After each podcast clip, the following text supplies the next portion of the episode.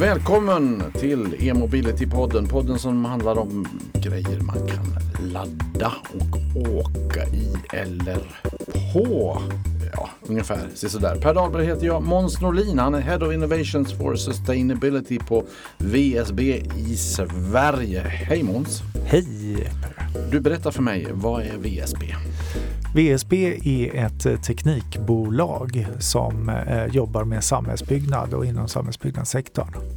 Vilka är det som tar hjälp av VSB?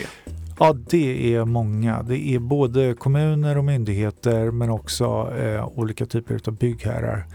Hjälper till i hela stadsbyggnadsprocessen kan man säga med att bygga hus och bostäder och eh, ja, byggnader i allmänhet. Och nu då, nu går vi in i elbilseran, kan vi säga så? Ja, det kan man väl absolut säga. För den eran har vi inte varit i tidigare. Nej, det får man ju absolut hålla med om. Men du, nu är vi på gång och det är ju ett paradigmskifte vi står inför. Hur, märk, hur märker ni av det i VSP? Ja, vi märker det på eh, vilka uppdrag vi får till exempel. Nu börjar det liksom vända sig till att eh, man frågar efter hållbarhet och, och också eh, elektricitet och, och elektrifieringsuppdrag. Ehm, och eh, ja, det, det, är där främst det, det märks. Är, är elbilssamhället, är det det hållbara samhället? Ja, jag vill ju hävda det. Ehm, jag tror ju att just möjligheten med ehm, elbilarna och gå över till ett helt elektrifierat samhälle är stort eh, utifrån ett hållbarhetsperspektiv. Just för att vi kan integrera olika verksamheter genom elektriciteten och elektrifieringen. Alltså det vill säga transporter kan gynna våra eh, hem och alltså eh, gynna hållbar elproduktion men också integrera industrin i det och eh, få till till exempel eh, hållbar industri med hjälp av Hybrid till exempel. Som är? Det är Vattenfalls eh, och statens satsning på att eh, driva och eh, göra om industrin till att gå på vätgas istället för kol till exempel i processen att framställa stål. Okej. Okay. Men du, om vi nu ska göra ett hållbarare och elbiligare samhälle. Det är rätt många eh, milstolpar på vägen som man måste passera där va? Ja, eh, det är det väl absolut. Eh, är det något särskilt du tänker Nej, men jag? Jag pratade med exempelvis Robert Collin, eh, bil och motorjournalist här tidigare som, som menar att vi har ett dilemma i Sverige. Elen finns i norr och i söder har vi inte så mycket el till produktion och då måste vi ta elen ifrån exempelvis Tyskland eh, och så vidare. Ja. Och sen så kan man tänka på att den ska ju byggas ut också. Alltså, om, vi ska, om alla ska ha möjlighet att få eh, att köra en elektrisk bil då måste vi ha möjligheter att ladda den någonstans oavsett om vi bor i Gällivare eller i Eslöv kanske. Ja men absolut och en rikstäckande laddinfrastruktur tror jag är väldigt viktigt. Inte minst för att få bort argumentet kring eh, räckvidd och den räckviddsångest som man pratar om när det gäller elbilar och elfordon. Ehm, och här hade ju då Klimatpolitiska rådet en presentation förra veckan med presentation av sin rapport där de föreslog faktiskt att man bygger ett sådant och därmed täcker in det Trafikverket kallade vita fläckar. Så det är 80 stycken platser som snabbladdare behöver ha i landet för att vi ska få snabbladdare var tionde mil ut med rikstäckande vägnätet. Befinner vi oss någonstans eh, som tidigt 90-tal och mobiltelefoni ungefär? I utbyggnad av eh, infrastruktur? Eh, ja, det skulle man kanske kunna säga. Eh, det här är ju på ett sätt enklare för det är färre punkter som behöver byggas. Samtidigt så är det ju en ansträngning för elnätet och det är där vi kommer in på din så att säga, första eh, fråga eller påstående där. Eh, och det, jag tror ju att just den här integrationen av Eh, Eh, elbilar i samhället tillsammans med att vi lägger om då elproduktionen och industri gör att det hindret man ser framför sig inte blir riktigt lika stort som vissa föreställer sig. Alltså det vill säga att elproduktionen kanske vi kan flytta faktiskt mer lokalt och givetvis använder de batterierna i bilarna för att eh, flytta eh, lagringsmöjligheten, det man brukar kalla vehicle to grid och så vidare. Ja, men i stort sett att du kan ladda bilen men bilen i sin tur kan sen distribuera el eller användas någon annanstans. Ja men precis. Men du, har vi tillräckligt med elektricitet i Sverige? Finns det så mycket ström i Sverige så vi skulle kunna eh, införa det ska vi säga bensinlösa samhället? Ja, Eh, Eh, det här ska ju då de som är elexperter på företaget och, och runt om i samhället egentligen svara på. Men när jag pratar med experter på Vattenfall till exempel så säger de att ja, men det blir en ökning på, om jag inte missminner mig, 8 om vi skulle ladda elbilarna, eh, göra om alla bilar till elbilar och ladda dem. Så att det är, inte, det är en marginell skillnad på det befintliga el, elnätet och el eltillgången i Sverige. Men, och det kan vi åtgärda på andra sätt som smart styrning och så vidare pratar man om väldigt mycket. Alltså när på dygnet och så man, man när, laddar? När på dygnet man laddar och också givetvis kapa effekttoppar. För det är effekttopparna som är det stora svåra i eh, eltillgången just nu. Om alla kommer hem efter jobbet klockan fem och stoppar in kontakten, då får vi en effekttopp där som vi kanske inte vill ha, eller? Nej, men precis. Så och, är det. Och hur löser man det då? Ja, men då kan du styra den smart med olika typer av innovationer som eh, kommer ut i samhället nu. Eh, både genom att man styr så att effekten fördelas, eh, har jag lärt mig, direkt i, när den kommer in till fastigheten. Så att den fördelar det till de apparater och, och, behov som finns i själva fastigheten. Men också styr det över till andra timmar på dygnet. Så att man kanske laddar elbilen under natten eller liknande. Men sen har man ju också kommit till det att eh, man laddar faktiskt inte nödvändigtvis bilen kanske varje natt. Så att det här behöver inte bli ett så här jättestort problem eh, heller. Gött att du får frågor som du kanske mm, inte var att svara ja, på. Men du är ändå eh, Head of Innovations of Sustainability. Det handlar om att eh, hitta på och uppfinna saker som gör att det funkar, eller hur? Precis, det är det det handlar om. Och förstå just det här nya komplexiteten och sammanhanget som man faktiskt kommer att befinna sig i snart om man inte gör det redan, både som privatperson och på arbetet. Men du, jag tänker på det här då. Vi har nästan så mycket, och jag säger ström för att det är roligare att säga ström. Eh, vi har nästan så mycket ström så att vi, vi, vi kan klara om vi är helt elektrifierade på fordonssidan. Men vi ska ju förflytta strömmen också. Den ska ju inte bara komma uppifrån storfallet eller ett kärnkraftverk eller något utan den ska ju in i hemmet och där vi bor och där vi arbetar också. Hur löser vi det? Ja, men där är jag, det, det är ju många som pratar just om storleken på på eh, ledningar som ska dras upp från norr och, och våra eh, vattenkraftverk och så vidare. Men jag eh, vill hellre då titta på ja, men hur kan vi lösa det lokalt och få till en lokal produktion och för, få förståelse för vad som behövs för den lokala produktionen i form av solceller eller annan hållbar energitillförsel. Då. Eh, och där tror jag att det finns väldigt mycket att hämta. Och i det, där finns det, här har vi en, en outnyttjad potential och mitt förslag är ju, jag har ju eh, lite verkt fram ett förslag här om en nationell digital tvilling. Jag vet inte om du har hört Uttrycket, uttrycket är bekant fast eh, obekant. Vad, är en nationell digital tvilling? Mm. Jag kan börja med en digital tvilling då. Och vi, jag brukar dra parallellen till båtbranschen eller fartygsbranschen där man bygger stora fartyg, lyxkryssare och annat. Och då kan man börja i en dator förstås och bygga en modell av det, en digital modell. Och sen utsätter man den modellen i datorn för tester. Vad händer om det blir höga vågor? Vad händer om ja, eh, vind, stora vindpåverkan och så vidare. Det blåser mycket och så vidare. Och så tittar man på slitage och så vidare på, på fartyget och efter det börjar man bygga det. Och sen brukade man slänga bort den här digitala kopian. Men nu börjar man använda sig av den digitala kopian även när man har byggt färdigt fartyget och sätter in sensorer i det faktiska fartyget. Och så tar man tillbaka den informationen i form av data till den digitala tvillingen för att förbättra då analysen och se på kanske, ja men det här behöver bytas ut på fartyget för att vi ska få den att fungera. På samma sätt kan man göra på en stad eller på en nation. Och alltså kommer vi upp i en nationell digital tvilling mm. där vi då kan få reda på, ja, men utifrån vår mobilitet, hur rör vi på oss, hur transporterar vi oss?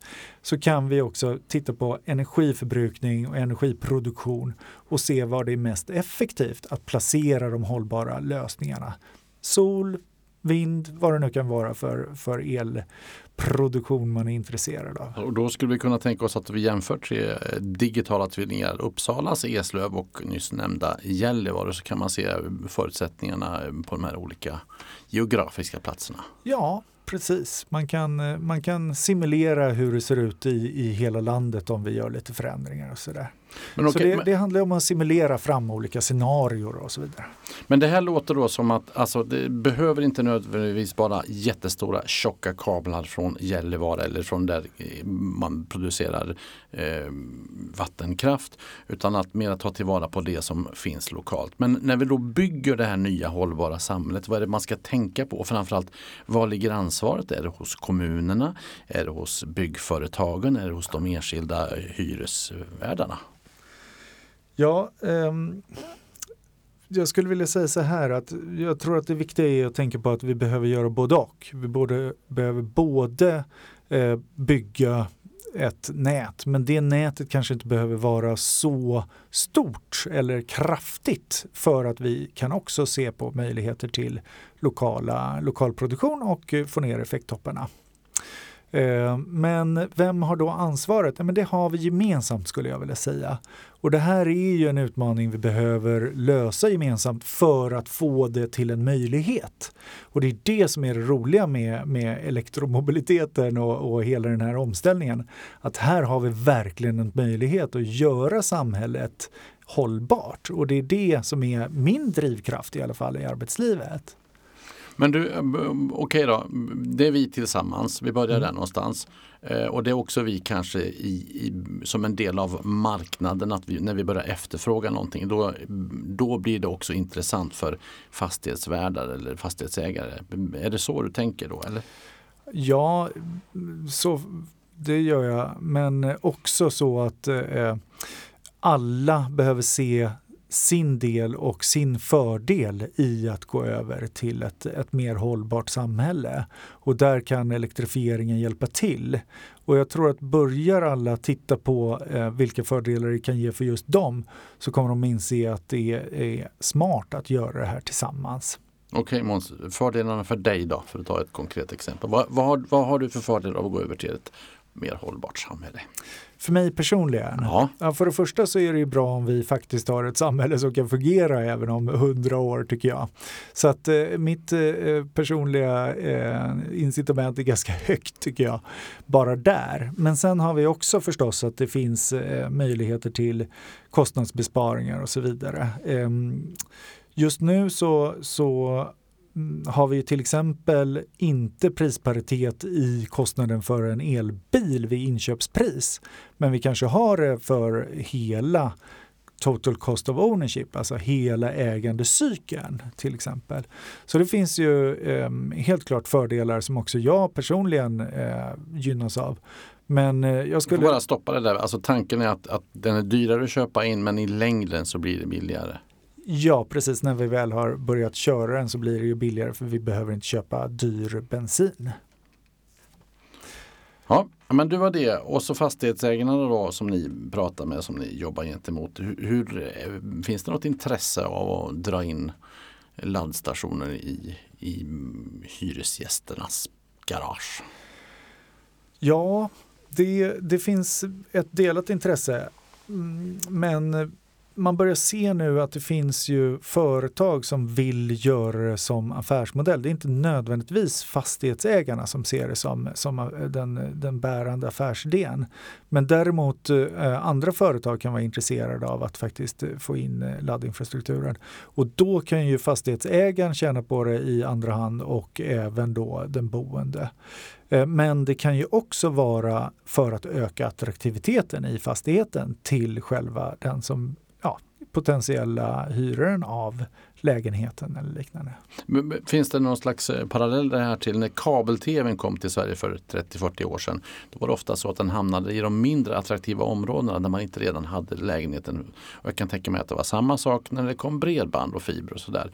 Är det möjligtvis så att att laddstationer, att vi kommer att se dem i, i mindre tättbefolkade områden? Alltså. Ja, du menar um, att det kanske går, går snabbare på landsbygden än, än i, i städerna? Ja, men Fördelarna på landsbygden är ju ganska stora. Man kanske inte åker eh, lika långt, eller man tänker sig i alla fall inte att man ska åka till fjällen på en, en skidresa och så vidare. Utan man har sin fastighet, man har sitt bruk eller vad det nu är på landsbygden åker kanske kortare sträckor och har större möjlighet att faktiskt ladda hemma. Och det är ju hemmaladdningen som man ser är åtminstone en 70-80 procent av laddningen. Ganska lite sker faktiskt enligt statistiken i alla fall ut med vägarna i snabbladdning eh, i form av eh, långdistanskörning. Gött att, det, att jag får ta dig som orakel här. Ja. Du får ha svar på allting, men det är ju intressant. Du, eh, det går ändå ganska fort känns det som. Alltså det säljs fler och fler elbilar och även så hybrider. Men det känns som att den här laddstationstakten inte riktigt mm, följer med. Det går inte riktigt lika fort där. Vad beror det på tror du? Ja, nej men jag tror att vi har eh, hamnat lite efter och det, man ser ju det på, på eh, Norge som har legat lite före i utbyggnaden av ett snabbladdnät till exempel. Eh, men vi har inte haft riktigt samma incitament i Sverige. Vi har inte haft samma styrning från staten eh, vad gäller subventioner till elbilar eh, som man har haft i Norge. Men eh, nu börjar man prata om hur man ska bygga ut laddinfrastrukturen, bland annat via då den eh, rapport jag pratade om tidigare, Klimatpolitiska rådets rapport. Så det här är på gång, eh, skulle jag vilja säga, i Sverige. Du, eh, eh vad ska vi då göra för att skynda på den här omställningen? Man pratar om det här 2030-målet. Eh, jag tror någon nämnde 200 000 elbilar i Sverige då. Vad, vad kan vi göra för att skynda på detta? Ja, men det, det, handlar om att ge rätt eh, subventioner och rätt stöd eh, och se till att vi faktiskt samverkar för att få det på plats. Så att det är mm, det vi vi gjorde en, en underlagsrapport där till Klimatpolitiska rådets rapport. Och då eh, tittade vi och sa att ja, men det här kommer kosta ungefär 50 miljoner att bygga ut ett snabbladdnät i Sverige. Det är inte en jättehög kostnad eh, egentligen i en statsbudget. Så att det finns eh, ganska stora eh, möjligheter att det blir av inom eh, den här eh, mandatperioden, tror ju vi till och med. Så det är en sak man kan göra. Sen så handlar det också om, om ladda hemma-stöd och så vidare och fortsätta med de eh, incitament som finns. Man kan också tänka sig att eh, det blir en större användning av rotavdrag för att, att installera laddare hemma. Och det är ju som sagt eh, laddare hemma som man mestadels använder sig av för att faktiskt ladda upp elbilen om man tänker privatfordon. Men sen ska, går man över till godsfordon så blir det ju jätteintressant också. För där tror jag att man behöver börja i de logistiknodar som finns.